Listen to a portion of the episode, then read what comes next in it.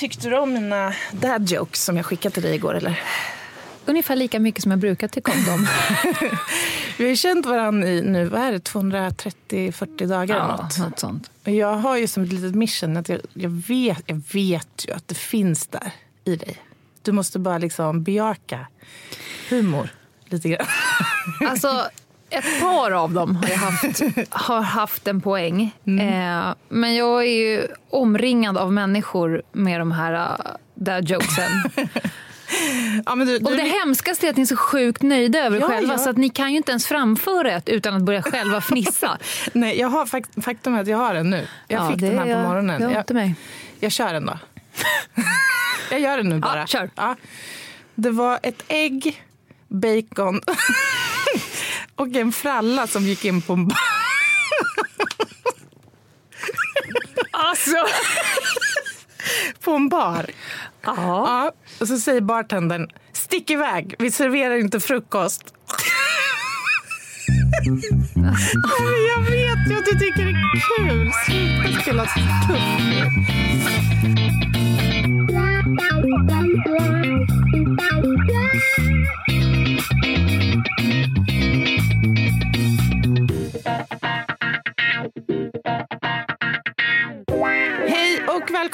välkomna till krimpoddarnas krimpadd Över min döda kropp med mig Anna Jinghede och Lena Ljungdahl.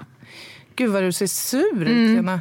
Är du upprörd över något? Ja, jag har efterkollat på den här dokumentären eh, Älskade smuggelhund, tror jag den hette. Har du tittat på den? Nej, Nej, gör inte det. berätta. Jag har haft ont i magen hela dagen. Sant. Aha. Ja, men alltså vad fan. Du, jag är ju en djurvän, det vet ju du. Det vet ju du från... Du är en katt, kattkärring.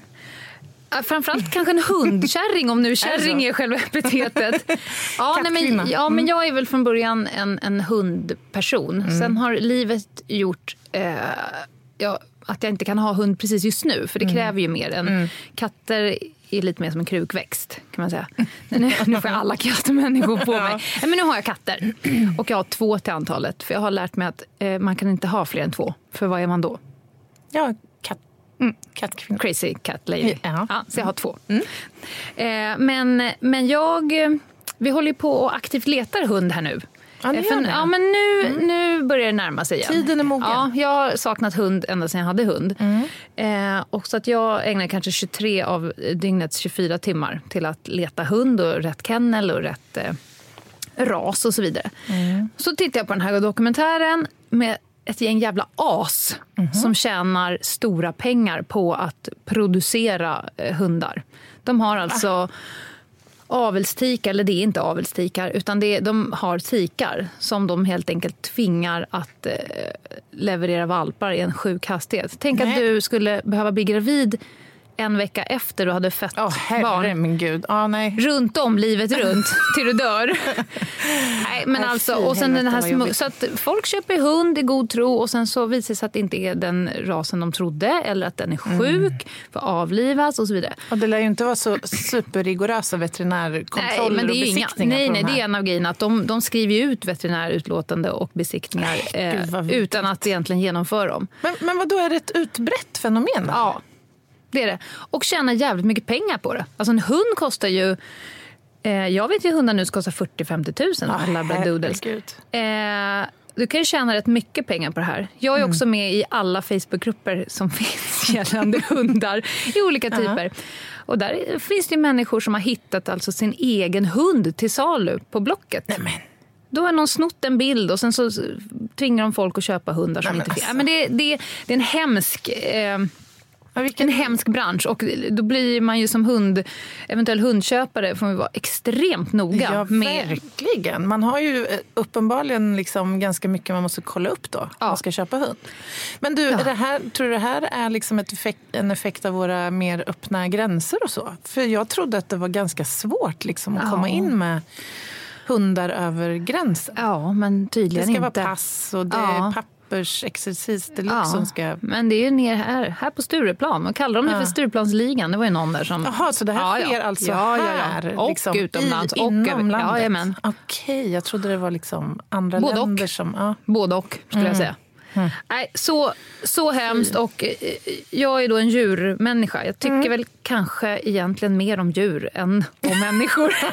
om, jag, tänker efter. Ja, det så. Jag skulle helst vilja ha en av varje bara.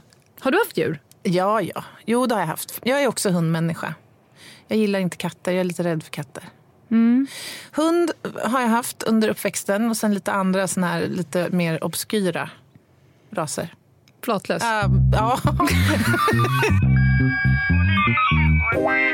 Apropå smuggla, som du var inne på. Jag kommer att tänka på en grej som en närstående till mig råkade ut för. Som var på semesterresa till Thailand. Eh, och de hade varit där två, tre veckor och eh, kommer hem. Bagaget står där i hallen, du vet. Man orkar inte ta tag i det där direkt. Så går det väl någon dag och så börjar de packa upp det och ska tvätta. Och så rätt som det så hoppar det fram en stor padda. som alltså en fripassagerare från Thailand. Förstå om det hade fastnat i det här vad är det, border control i Australien. Ja, de är har du galna. något att förtulla? Nej, tack. Nej, det är bara en liten friåkare. Nej, men Vad gjorde hen Nej, med jo. paddan? hen tog kontakt med en eh, naturkunskapslärare på en närliggande skola. Och nej, För så nu sitter paddan uppnålad i fyra knappnålar. Ja, gud, jag skulle rågärna vilja se vilka Ja. scener som utspelar sig där. Den där hoppar. Alltså, förstå själv vad rädd man skulle bli. också. Eller förvånad kanske snarare. Nej, och han bedömde ju då att det här var ju en väldigt exotisk art. Som sedan då överfördes till ett zoo. Där den nu lever och mår bra, enligt utsago. Jag tror att vi säger så här. Det här veckans avsnitt viger vi åt djuren och polisen. Ja!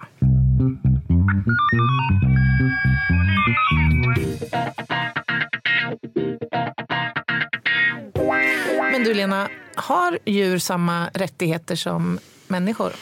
Och samma behov kanske man ska säga av skydd och skyddslagstiftning och så? Ja, så på ett sätt borde de ha mer behov med tanke på att de kanske inte kan prata för sig själva. eh, så tillvida att någon som äger dem behöver ju se till deras behov. Och vi har ju faktiskt lagar som ska skydda djuren. Ja, eh, jag började luska i det här, för jag vet att det har ändrats senaste åren. Så att jag ringde till eh, Lena Jakobsson som är förundersökningsledare på nationella djurskydds... Oj, eh, vilken research du har gjort. Ja, och så ställde jag frågan, hur ser det ut idag? Eh, och då sa hon att senaste åren har Länsstyrelsen tagit över mycket av arbetet som polisen gjorde förut gällande eh, djurskyddet. Ja. Eh, och förut så var det väl mer att, att Länsstyrelsen gjorde sina delar och så stod polisen mycket för praktiska och verkställigheten och så vidare. Och nu har det också flyttats över till Länsstyrelsen för det är egentligen en förvaltningsgrej. Eh, men sen så hjälper polisen mycket till med handräckningar och, och sådär. Ja, precis. För jag vet ju faktiskt att djur har ju... Alltså man kan göra orosanmälan om djur som far illa. Och det är ju inte så himla ovanligt Nej. att djur gör det. Nej. Eller hur? Jag tänker direkt på när man har jobbat som polis i yttre tjänst och, så där, och träffat hemlösa och ja, utslagna, socialt utsatta människor helt enkelt. Som säkert ofta skaffar hundar ju oftast. Som, som sällskap kan jag tänka mig. Och kanske skydd i någon mening. Eller vad tror du? Ja, både och. Det är ju väl en väldigt hög andel av dem som har hund. Eh, och även när man är utomlands och man ser mycket hemlösa personer så ligger ju ofta en hund där bredvid på, på wellpappen. Men då kan jag tänka, ofta så ser man personen är säkert hungrig, sjavig, dålig hygien och allting. Men hunden, den är Ja, liksom den den är är, toppskick. ja, är toppskick.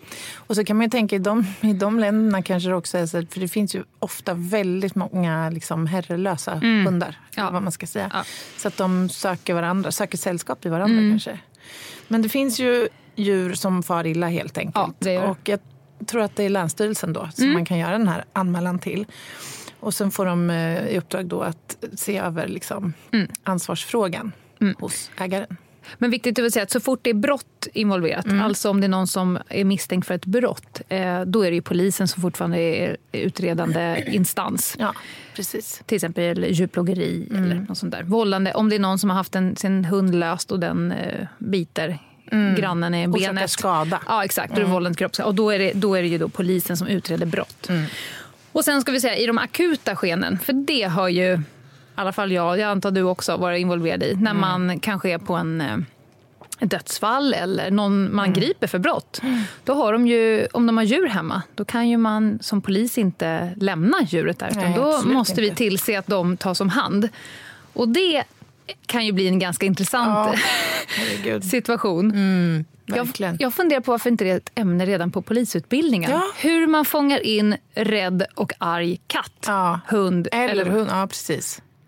Ja. För det, det anses man liksom bara kunna Ja, av bara exakt, farten. Exakt. Och det är ju en potentiellt farlig situation. Alltså djuret kan ju bli jättestressat. Ja, en arg katt att- är ja, inte lätt nej, att, att fånga in. Inte. Nej. Man får köra filten, försöka Mm. kasta filt på. Man sätter ju ofta på sig sina de här äh, handskarna Ja. eh, som går upp över armvecken. Klunsar. Jag hade faktiskt en, en eh, aspirant som tyckte att han var väldigt, väldigt fiffig. För Mm. då skulle det göras en... Jag kommer inte ihåg om... om jag men, tror att det var en husrannsakan som skulle göras. Och eh, den misstänkte var inte hemma. Utan de, de med låsmed skulle gå in. Mm. Eh, och när man tittar in i en brevinkast så inser man att där inne så står en hund Mm. som av kategorin arg Mm. och farlig och lite läskig. Så han tänkte, här gäller det att muta hunden. Försöka få ett par sekunder av att bryta Mm. fokus på att försöka äta upp mig. Så han pillade in en eh, chokladkaka som han hade i benfickan. Mhm. Eh, in genom brevinkastet. Ja, det var ju smart. Vad tror du hände? Ja. Nej, men hundar äter väl choklad, fast de ska ju inte äta choklad. Nej, eh, hundar kan äta choklad som är avsedd Mm, För hundar, ja. Mm. Eh, den dog. Nej! Jo. Nej. Det är ju hjärt... Alltså, det, Ja, det, ställer, det Ja. kan ju orsaka jättemycket strul. Han petade in chokladkakan. Eh, kommer in, hunden står ju och slafsar och då lyckas han liksom få ett par sekunder på sig att fösa Ah. in den här hunden in i badrummet. Ah. Eh, och stänger dörren. Och sen så gör de husrannsakan och sen blir det väldigt lugnt Nej. där inne. Ja, det här är jättelänge sedan, Ja, men, men men det är hemskt. Jag bara säger, på, på polisutbildningen får man faktiskt utbilda hur man får gå in älga, ä, ä, älgar. hur man fångar in älgar. Hur man fångar in älgar, ja. Nej, men rädda och arga djur och vad man inte ska göra. Men du, djur kan ju fara illa på andra sätt också. Ja. Och eh, jag tänker på en sak som jag läste om i tidningen häromdagen faktiskt. Mhm. Det, var en, det är en 20-årig eh, mansperson, eller ungdom, som har gjort medgivanden rörande sexuellt umgänge med djur. Mm. I det här fallet hund. Ja, alltså. Och eh, ja, det är ju inte så ofta man läser om de här brotten. Eller fenomenet som kallas för tidelag. Nej. Eh, berätta, vad har vi? Vad har vi på tidelag? Jag var, ha, min första ingång på tidelag var att när jag jobbade på Alltså åkte polisbil. Vi pratar ju 2002, 2003, 2004, där någonstans. Då hade vi en person som bodde i vårt eh, distrikt som kallades för hundknullaren. Oj. Ja. Ja, det är ett epitet Det som- av rang. Eh, han eh, var klädd ganska lustigt. Man såg honom när han var ute och for för att han hade lite olika eh, uppmärksammande, eller vad heter det? Ma- eh, Uppseendeväckande transportmedel. Ska inte säga mer så, så att det inte blir sökbart. Eh, vid den här tiden så jobbade också en av mina närmsta vänner på um, ett djursjukhus. Mm. Och, eh, så att eh, den här var, personen var också känd även där. Mhm. När han kom in med sina hundar och anmälde diverse olika typer av eh, diffusa sjukdomar och eh, åkommor på de här hundarna. Och alla de visste ju vad det var. Mm. Och han, alla visste. Eh, så det gjordes ju diverse anmälningar. Mm. Men det här var ju innan 2014. För 2014... Ja, då var det ju tillåtet. Ja. Eller tillåtet, Nej, men, var inte, under den, ja, inte under den lagen. Som idag. Nej, nej. Då fick man ju liksom gå på djurskydd och, och, och skada på djur och så vidare. Mm. Vilket ju i, i Ja. princip aldrig går att Nej. styrka. Nej. Det är ju jättesvårt. Ja. Framförallt inte... De här hundarna var ju också lite större. Mm. Eh, men lagstiftningsmässigt, det här är ganska lustigt, eller det är också väldigt, väldigt sorgligt. Mm. Men eh, förr, förr, för länge sedan, Mm. då var det ju olagligt. Eh, förbjudet kanske man ska säga. Mm. eh, då brändes ju människor på bål. Ja, Man brändes precis. ju upp, både de och djuren. Ja. Vi pratar väldigt länge sedan som du hör. Ja, men Eh, ändå inte... Alltså, Nej, nej. Det är inte före Kristus. Nej, det är det definitivt nej. inte. Men, och då infördes en, en lag som gjorde att ogifta män fick inte ensamma valla får och kor. Och så. Det var bara kvinnor som fick vara ensamma med kreatur. Men gud, vad primitivt För att, tänkt det, och sjukt. för att det lågs... Eller ja, det kanske inte är rätt. Låg så mycket på, på vallningarna. Ja. Och då när jag läste laget det var hur sjukt som helst. Och sen vart det också, sen avkriminaliserades, alltså det legaliserades eh, 1944. Vet du varför? Nej, berätta. Nej, för att 1944 var det dags att legalisera homosexualitet. Alltså att det ska inte vara kriminellt att vara homosexuell. Men be, vänta nu. Ja, och då tänker du, hur, hur hör de Ja, ihop? men det, ja, det är ju... De stod i samma eh, paragraf. Så när man liksom ruckade upp den paragrafen för att homosexualitet eh, inte ska vara olagligt, då följde liksom tidelagen med på, på köpet. Så då försvann det, det, det förbjudna, så att säga. Eh, även om det fanns andra skyddslagar för djur eh, parallellt.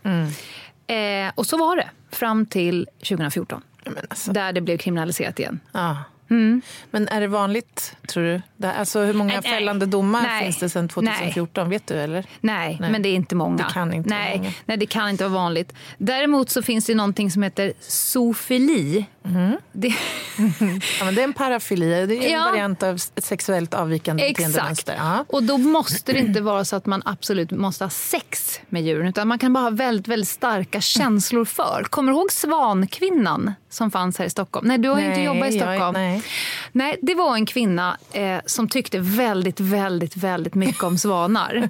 Mig veterligen inte sexuellt, Nej. men hon bara vurmade för dem väldigt mycket. Ja. Så hon var ju ute i olika, det är väldigt mycket vatten här i Stockholm, och hämtade hem svanar, Svanar. till sig. Så jag tror att hon hade över tio eh, knölsvanar i men- sin lägenhet här i Stockholm. Det var sjukt. Ja, det är faktiskt sjukt. Aha, så hon utvecklade någon slags relation till de här djuren? Jag vet inte Alltså, om hon skulle rädda dem, om de var Ja. liksom skadade hänge. Vad- men, men det Hon behövde bara lite sällskap. ja, hon har alltså varit uppe på Centralbron och sprungit efter en svan som av någon anledning hade hamnat där och skulle liksom ha ner den här i en Ikea-kasse. Nu är hon i hon är i svanhimlen nu. Hon? Ja, Ja. Nu är hon i svanhimlen. Men det kanske gränsar till zoofili. Ja, Sofie. Ja. Ja. Ja, men det Hon tyckte väldigt, väl väldigt mycket om svanar. Ja. En annan aspekt på det här med djur som far illa berör våld i närrelationer och det som jag ägnar mig ganska mycket åt. Eh, Det finns ganska mycket forskning kring det här som har kommit på senare tid där man funderar på liksom hur, hur eh, husdjur i relationer där våld eh, förekommer mår. Intressant. Ja, verkligen. Och det är ju ganska lätt att förstå att djur, husdjur i familjer och familjesystem där våld utövas far ju illa genom att dels utsättas för våld. Ja. Alltså man kan ju använda ett djur som ett, eh, en kvarhållningsfaktor för en person som Absolut. utsätts av en partner till exempel. Att om du lämnar mig nu då kommer jag döda hunden. Eller... Mm. Och det kan också vara så att man inte, den här personen som utövar våld inte förmår ta hand om djuret heller. Och det kan också användas till exempel om ett barn utsätts för våld Mm. så kan man hota att eh, ta bort djuret eller skada husdjuret om det här barnet Ja, berättar för någon vuxen och sådär. Så det är ju ganska, och jag har själv jobbat med flera grova våldsbrott Mm. där faktiskt också, det är ofta hundar som Mm. också samtidigt eh, som en partner då har utsatts för våld har man även utsatt djuret för våld. Mm. Så det, är inte, det är inte alls ovanligt. Och jag tänker på så vis så är det ju extre, de är extremt liksom oskyddade och utsatta djur i sådana miljöer. Tillsammans med de män, människor som utsätts i samma... Ja, alltså djur, det, det kanske är någonting som jag aldrig vande mig med. Det var djur och barn. Som, Mm. som man kommer till platser där man ser att de har far illa av någon anledning. Det gör ont ända Ja. in i, i själen. Mm, men det är ju för att man ser den här extrema sårbarheten ju. Den är ju liksom väldigt lik alltså ett, en, ett djur och ett barn. Mm. och inte kunna liksom tillkalla hjälp eller försätta sig i säkerhet själv eller kanske till och med vara beroende av omvärlden liksom för ens existens egentligen. Ju. Jag, jag hade en kollega på, på span. Han var en sån fruktansvärd djurvän. Mm. Eh, jag kommer ihåg ett case där vi höll någon person som vi jobbade väldigt mycket med. Mm. Nej, vi var tvungna att, att, att liksom meddela på radion att vi, vi släpper en stund nu. Såklart mm. så gick inte ärendet i stöpet, då hade vi nej, inte nej. gjort det. Men det var liksom en räddningsaktion där och då som ja. behövde ske för en fågel. Nej. Som hade liksom fastnat mellan balkongräcket och eh, eh liksom betongfundamentet mm -hmm. på en sån här loftgång Jaha. som skrek. Och se den här mannen som var eh, dryga 60 mm. klättra upp för att rädda denna Oj, fågel. Ja, men det är så hjälte. Fint. Ja, men det är så ja. fint.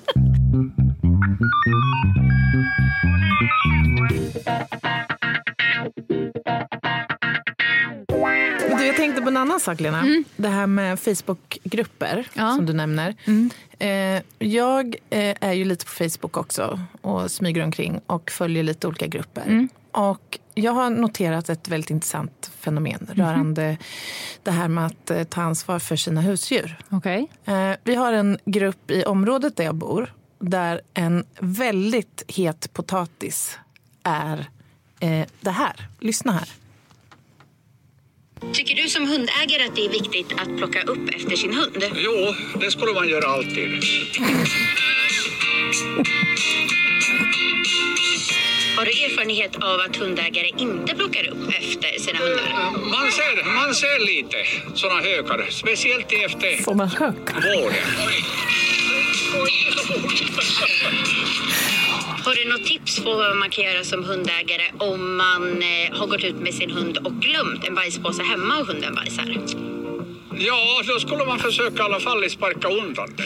Nej, men alltså, vad är det här med människor som inte tar upp hundbajs? Ja från gator och torg. Alltså, det är ju en sån enorm källa till irritation och frustration. Det här, den här Facebookgruppen, som, alltså, ja. det är inlägg var och varannan dag och folk som ondgör sig över det här. Jag, tror, jag skulle säga det är två problem med det här. Mm. Det ena är att folk inte plockar upp efter sig.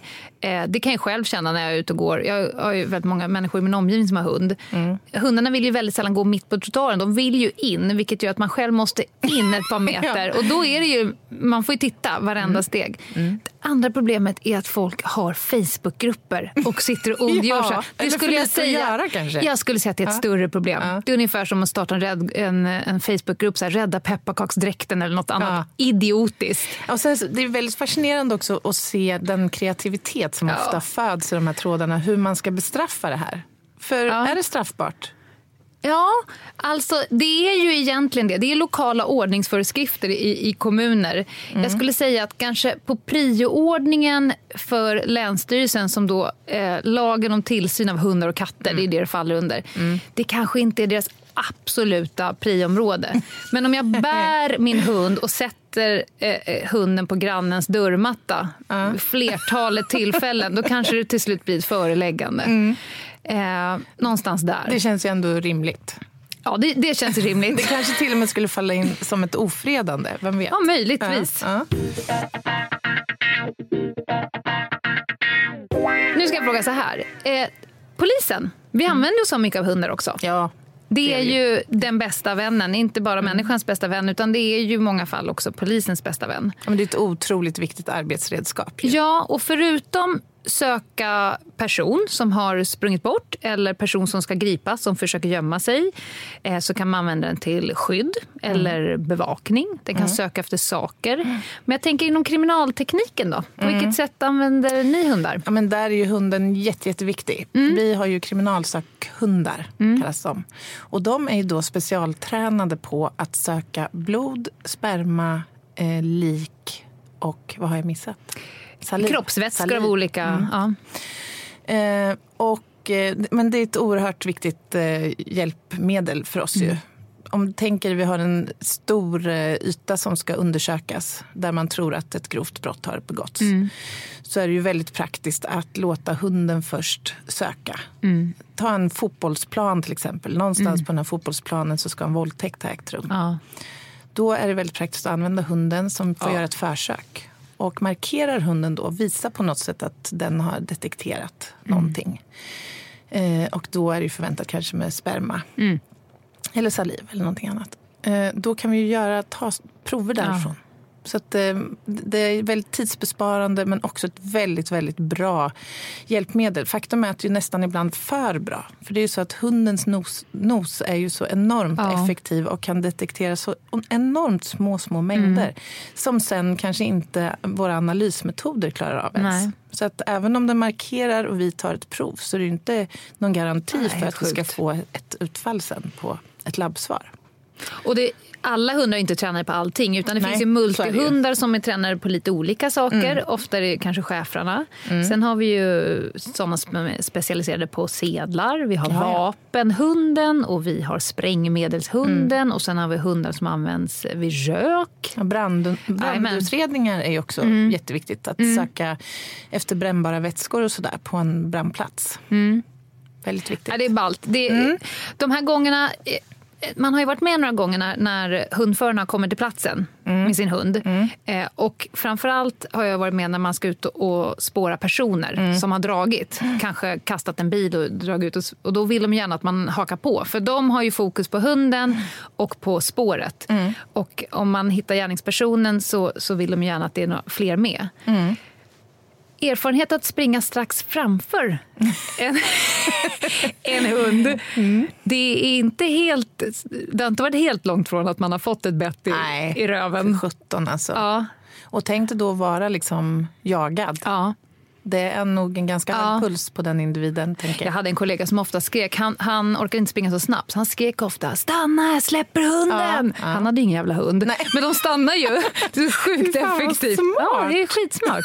Helt briljant. Jag kommer ihåg en natt när, vi hade, när det gått något larm från något jättestort centrallager. Mm. Eh, och eh, ja, gärningspersonen hade lämnat när vi kom. Mm. Hunden gjorde ett sök och så hittade ingen. Och då sa hundföraren till mig så här, men du, nu när vi ändå är här, kan inte, vi, kan inte min hund få liksom göra en, en ordentlig övning då och hitta, hitta skarpt? Mm. Ja, men absolut, vad ska jag göra? Nej, men gå in någonstans, alltså kolsvart central, alltså vi pratar fotbollsplaner mm. stort. Gå in mm. och ställ dig någonstans bara. Oj. Absolut. Och vad gör jag sen? Du ska bara stå still. Du bara, vänta, jag ska bara gå och teckna en livförsäkring först. och kissa. Nej, men så att jag glider in där och ställer mig mitt i natten. Jag var väl förmodligen ganska ung i tjänst. Annars ja. hade man ju, ja. Så jag ställde mig mellan en kyl och en frys. Ja. Eh, och så hör man det här bara... Oh. Alltså, herregud. Och helt plötsligt så står en hund och har sin nos tre centimeter från ens näsa mm. och bara stirrar på en. Känner så här, alltså om jag rör ett lillfinger nu, är extremt effektivt. Gjorde du ett förtursanrop sen och bad om att få gå och byta småbyxor, Lena? Eller? Nej, jag, jag, är så imponerad av dem och det är så tacksamt att, att ha med dem. Ja, Knarkhundarna, såklart, jag som har jobbat, när de skickar in de där små knarkhundarna ja. i förråd som man skulle ha tagit tre veckor att söka igenom. Det bara de, fladdrar runt där inne. Ja, och hur, hur enormt duktiga de är på mm. att söka av ett område Ja. Alltså systematiskt och mm. också ta sig fram liksom, ja. i små, små passager. Så, ja. ja. det är superhäftigt. Ja, det är ballt. Anna, jag tänkte på det här. Jag har jobbat lite med rättsodontologiska frågeställningar mm. som involverar djur mm. och ofta hund. Mm. Och där eh, man har en frågeställning eh, kring bett, bland annat. Eh, så en klassisk eh, fråga kan ju vara så här, man har säkrat ett eh, bitspår eller ett bitmärke på en kropp eller på en, ja, en mm. människa. Mm. Så, så kan frågeställningen vara så här, är det här ett bett som är avsatt av djur eller av människa? Mm. Och om det är avsatt av djur, från vilket djur? Eh, så det är, ju, det är faktiskt en vetenskap som är ganska avancerad och svår. Jag är bra på människans bett men jag, jag kan inte så många det. andra liksom, djurarter. Nej. Så det gäller ju då att liksom, försöka studera andra djurs eh, ja, men tanduppsättningar helt mm. enkelt. Eh, och jag, fick höra till, eller jag hörde talas om ett väldigt intressant case. Eh, det var min italienska rättsodontologkollega mm. som drog det här caset helt nyligen. Jag ska dra det helt kort tänkte jag, för det är ganska spännande. Mm. Det är en man som anträffas i en olivlund, död. Mm. Och han uppvisar en stor mängd skador på kroppen varav alla visar sig vara bett. Mm. Och eh, en förbipasserande gör iakttagelser och ser att det är då ett antal hundar som är runt den här manspersonen som ligger på marken. Mm. Så han rusar fram till, till mannen och konstaterar att han är avliden och även då har de här skadorna. Polisen kommer dit, man gör brottsplatsundersökning och man konstaterar att det finns liksom inga andra spår av människa eller liksom andra skador som skulle tala för något annat modus. Liksom. Och så när man gjorde undersökningen där så ser man att vid den här olivlunden så finns det, ett, det omgärdas av ett staket. Och i staketet finns det ett hål. Och om man går igenom det här hålet så kommer man eh, in på, ett, eh, på en tomt där det finns en fastighet. Eh, så man knackar på i den här fastigheten och de har då två stora hundar där hemma mm. hos sig. Så de börjar ställa lite frågor om de hundarna och de beskriver att hundarna springer löst ute. Och eh, polisen funderar då, kan det vara de här hundarna som faktiskt har haft ihjäl den här mannen? Vittnet beskriver att det är många fler än två, så att man har liksom olika spår att jobba på här. Men man måste ju komma till någon slags svar. Så man tar prover från skadorna, konstaterar att jo, mycket riktigt, det är DNA från hund och det är två olika hundar. Och sen kan man alltså genom att göra bitmärkesanalyser eh, och ja, alltså man, man söver de här hundarna som är misstänkta för mord söver dem, tar Underrättad tand... om misstanke. Ja, ja. ja, precis. Tar tandavtryck ja. av de här djuren, jämför mot skador och gör även DNA-jämförelse och kan slå fast att det är de här två hundarna som i sitt, sin eh, vilja att skydda sitt revir sannolikt mm -hmm. har flygit på den här mannen som har mm. plockat oliver. Men till saken har också, kollegan beskriver det här då, caset att i den här familjen så finns det också flera små barn som lever och bor bredvid oh. två potentiellt dödliga mm. bästar. De omhändertogs ju, hundarna, mm. vet jag. Och eh, man hade, man, de blev inte avlivade, utan man tänkte att de skulle kunna rehabiliteras. Någon annanstans, någon annanstans. hos någon som kan hantera det. Ja, men precis. Så att, eh, jag har också kommit lite i kontakt med sådana här djurärenden. Jag kom på en fråga nu när du pratade. Ja. Eh, om en person eh, har bett på kroppen, nu pratar ja. jag inte kanske hundar, utan du ser att det är ett mänskligt bett. Mm kan, eh, om man har en misstänkt, mm. eh, kan man då på kroppen liksom få eh, information från bettet och sen ta test från folks mun för att kunna se om det är dina tänder som har bitit den här människan? Ja, men alltså för det första, om, om bettet eh, upptäcks en kort stund ja. efter att det har tillfogats, ja. då kan man ju säkra DNA från bettet. Man mm. får ofta en blandprofil, ja, man får ju offrets ja. också. Ja. Men man kan ju faktiskt matcha det mot en misstänkt. Ja, saliv eller något. Ja. Sen bitmärksanalyser är lite omtalat och eh, omtvistat i Sverige okay. som bevismedel. Men det kan vara väldigt värdefullt för att exkludera en person. Man kan ju se avvikelser i bettet som faktiskt kan jämföras mot mm. en individ. Det kan vara delbevisning också. Absolut. Mm. Och vi har fri bevisprövning så att, ja. det är upp till rätten att liksom värdera den informationen. Ja, sen har vi en annan eh, polisiär tjänsteåtgärd. Eh, och då är det ju alla de här um, döda djuren som ligger på vägarna. Ja, det är ju ett ganska klassiskt uppdrag ja. för poliser i yttre tjänst. Ja. ja. Eh, och då hade ni en kadaverlåda i Örebro. ja, en, en frys ja. Om det är där du tänker. Eller nej, du tänker för ja. intransporteringen? Nej, alltså Eller? för att i, där jag jobbade då hade man en, om man eh, påträffade vilt, mm. då, då eh, dels så ska ju personer som kör på vissa av, av statens vilt, mm. det är ju inte, det är inte en människa som äger en älg utan det är, det är ju staten. ja. ja.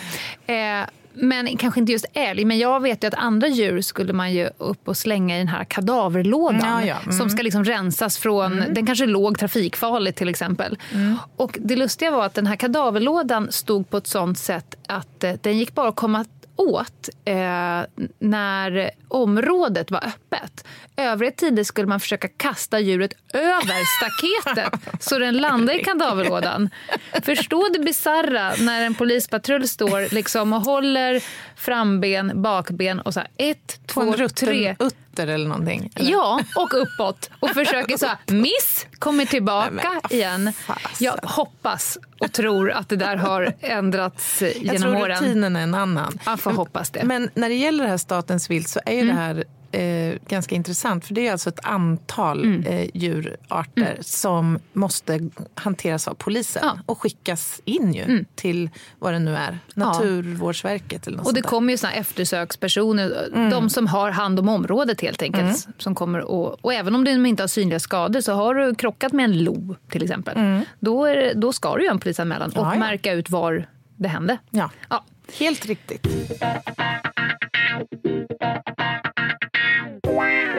Nej, jag, jag bara återkopplar den här mannen som låg i Olivlunden. Jag Ja. fick såna jävla flashbacks till de här grisarna. Är det inte när lammen tystnar? När de har tränat de här grisarna, när de börjar spela min favoritmusik. Tchai- Ja, Tchaikovsky. Tchaikovsky. Att de blir så här mördargrisar. Ja, ja fasen vad lä- vilket läskigt scenario. För det finns ju faktiskt de som använder djur som vapen. Ja, ja, absolut. Ja, gud. Som bussar eh, sina hundar till exempel på andra. Ja, ja, jag hade ett jävligt äckligt ärende med någon som utanför um, ja, en, eh, en sån här natthamburgerkedja här i stan Eh, kom ut och så hör han hur en tjej bara så här Kör, kör! Du vet så att hunden kommer uppflygande och hänger sig i hans Nej. mage. Och de släpper ju inte. Nej, nej. Och då tycker jag återigen eh, synd om djuren. Ja, men gud, det där är ju Och fruktansvärt. såklart hans mage. Ja.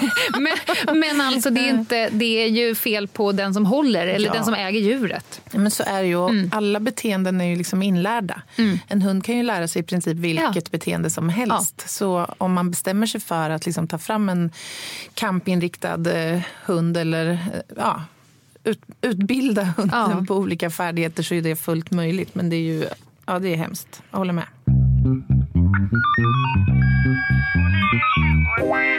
Jag tänkte faktiskt avsluta med en solskenshistoria. Oj. Om inte du har någonting annat innan. Nej. Nej, jag är, har- den, är den rolig? Nej, den är, den är behjärtansvärd. Ja. Det var alltså, eh, och det här var inte jag, det var en, kollega till mig. Det var alltså en, eh, precis innan jul. Eh, det var en, en jägare som gjorde en polisanmälan. Att han hade någonstans efter ett pass, eller jag kommer inte riktigt ihåg hur det var, men han såg i alla fall hur det kom en bil, öppnade bagageluckan och sulade in hans tax Nej. i, i bagageluckan och drog. Och han, det här var ju inte bara en, en jakttax, utan det var ju familjens eh, lilla bebis, Ja. såklart. Kanske Så- var en tax... Vad sa du nu? Jag orkar inte. Var det en taxameter? Alltså, fy fan vad dåligt. Förlåt. Han ledsen, familjen ledsen. Någon har stulit hans hund. Eh, några, och det här tas ju upp på något sätt vid någon sån vanlig utsättning. Det var en berättar liksom vad som har hänt. Eh, den här eh, polisen då, då eh, stoppar en bil några dagar senare i någon eh, sån rutinkontroll. Ja, men kolla körkort, nykterhet, titta bak, sitter ett gäng med ungar i baksätet. Och, och så sticker upp ett litet taxhuvud Nej, men... där bak. Och då känner han så här, vänta här nu, det här har jag hört talas Ja. om. Och då minns han att han såg en bild, för jägaren hade skickat in liksom ett foto. Och den, det var väldigt signifikant för den hade en grå eh, fläck på nosen, vilket är ganska ovanligt för taxar. Eh, och där stack det upp ett litet taxhuvud med en, en grå fläck på nosen. Så han tog in hela familjen och bara, nej, ja, för man har ju sån chipläsare på stationen. Eh, och då visade det sig att det var den stulna taxen. Nej, så han kom tog, till rätta. han tog taxen under armen, knöt en rödrosett runt halsen och åkte hem till jägaren och familjen så dagen innan julafton. Åh. Varsågod. Vilken fin Ja, historia. ibland så är det ju extra kul att Ja. jobba som polis. Där. Ja. Ha, Lena, Ja. har vi uttömt eh, djur? ja, om inte du har något mer skämt på locker. ja, men idag kände jag att jag var ganska... Jag var i mitt esse lite Ja, idag. grymt. Ja. Nej. Ehm, vi, ska vi informera om våran, vårt Ja. Instagramkonto? Mm. Ljungdahl och Ginghede. Mm-hmm. Gå in där, följ oss där och eh, ta del av eh, våra härliga publikationer om nya teman och avsnitt. Och ställ frågor till oss. Vi har fått några. Ja, det har vi. Och hittills har jag svarat att vi lovar att ta upp allting. Ja, det Mm. har varit högst relevanta önskemål. Fortsätt med det. Eh, vi, det går också bra att mejla till oss på ljungdahl och ginghede.gmail.com. Vi hörs om en vecka då. Mm. Ha det bra. Ha det gott. Hej.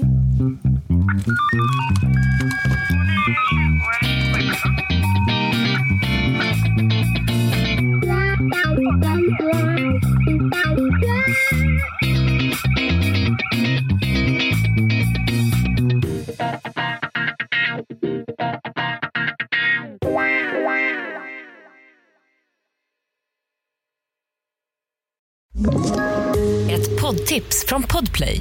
I fallen jag aldrig glömmer djupdyker Hasse Aro i arbetet bakom några av Sveriges mest uppseendeväckande brottsutredningar. Går vi in med hemlig telefonavlyssning och, och då upplever vi att vi får en total förändring av hans beteende. Vad är det som händer nu? Vem är det som läcker? Och så säger han att jag är kriminell, jag har varit kriminell i hela mitt liv men att mörda ett barn, där går min gräns. Nya säsongen av Fallen jag aldrig glömmer på Podplay.